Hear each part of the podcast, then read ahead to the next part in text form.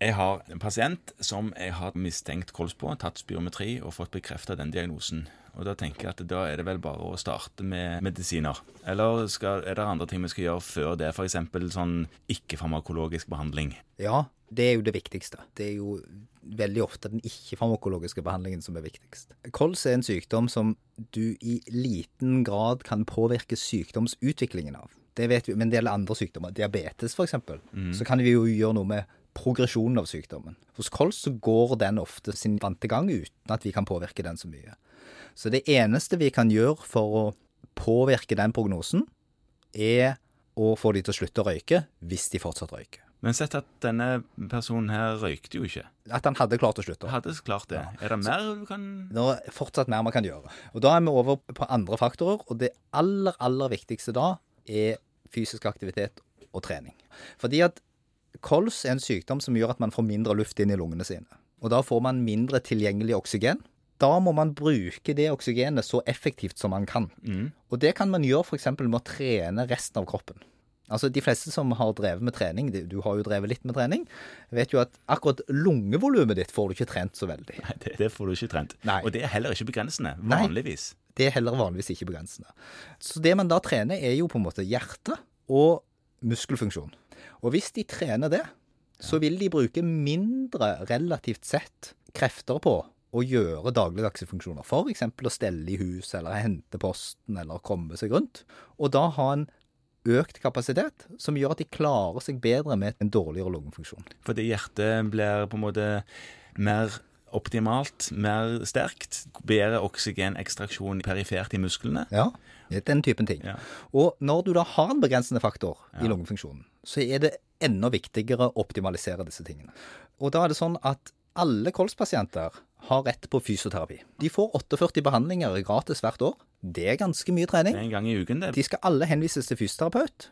Ikke for at noen skal drive lungefysio, sånn banking på lungen og sånt, men for at de skal få støtte til å trene. Fysisk aktivitet hos fysioen? Ja. Styrketrening og kondisjonstrening. Veldig mange kolspasienter er redde for å trene hardt. Det er fordi at kolspasienter med en viss alvorlighet i sykdommen sin, de opplever det å bli tungpusta som veldig dramatisk. Ja, men Det er det sikkert òg, altså. Ja, det er jo det.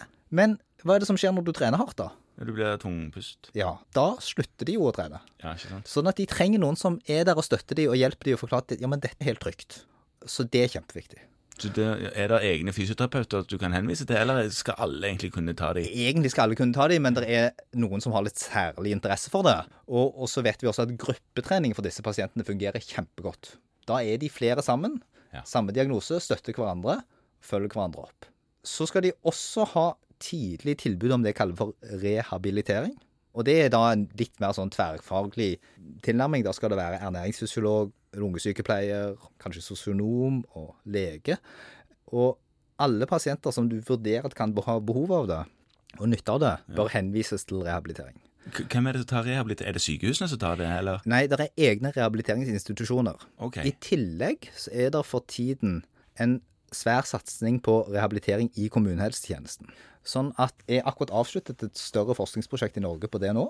Og vi tror at i løpet av noen år så vil det antageligvis bli bygd ut som et kommunalt tilbud. Men akkurat nå så er det rundt omkring på egne institusjoner? Det her. Ja, så det, hver helseregion har et eget mottak for den typen rehabilitering. Det er f.eks. Glitreklinikken, som de fleste i landet har hørt om. Ja. Ja. Eller Krokeide-senteret osv. Ja. Men nå har du snakket om to ting, i prinsipp. Altså Først tre ting, egentlig. Du har snakket om røykeslutt. Dette som går på trening og fysisk aktivitet, og fysio. Og så har du snakket om rehabilitering. Og så er det det siste som jo egentlig grenser over mot medikamentell behandling, og det er vaksinering. Ja, det er i grenseland, men det er jo ikke egentlig medikamentell behandling, sånn som vi tenker på det. Nei. Men vaksineringer, hva vaksinerer de seg for, da? Influensa. Og det er viktig. Ikke fordi de er så veldig utsatt for å få influensa, men fordi de er veldig utsatt for å bli alvorlig syke og dø hvis de får influensa. Så de bør helst ikke få det i det hele tatt? Nei. Så har det vært gitt pneumokokkvaksine i veldig mange år. Ja, ikke sant? Driver vi på med det nå? Nei, fordi at det viste seg at pneumokokker og pneumonier ikke var så veldig mye hyppigere hos kolspasienter enn andre. Okay. Så det er ikke veldig feil å gi det, men det er ikke så viktig som vi trodde det var. Så du må gi ganske mange før du eventuelt uh, sparer én? Ja. Så det var ikke verdt det? Nei. Det er mye, mye farligere å få influensa. Og mye vanligere å få influensa. Ja. Så de bør egentlig ta den influensavaksinen så fort den blir tilgjengelig hvert år? Hvert år. Det bør de informeres om. Ok, så fire ting. I grunnen. Før man eh, i det hele tatt starter med noe som ligner på en inhalator. Ja. Fint. Og dette er viktig, og antagelig viktigere enn inhalatoren. Dette er i første omgang viktigere enn inhalatoren, særlig for den langsiktige prognosen.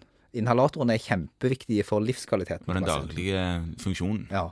Ok, veldig bra. Gjenta en gang til. da. Det er røykeslutt, det er fysio med fysisk aktivitet, det er rehabilitering, og så er det vaksine. Ja. Fint.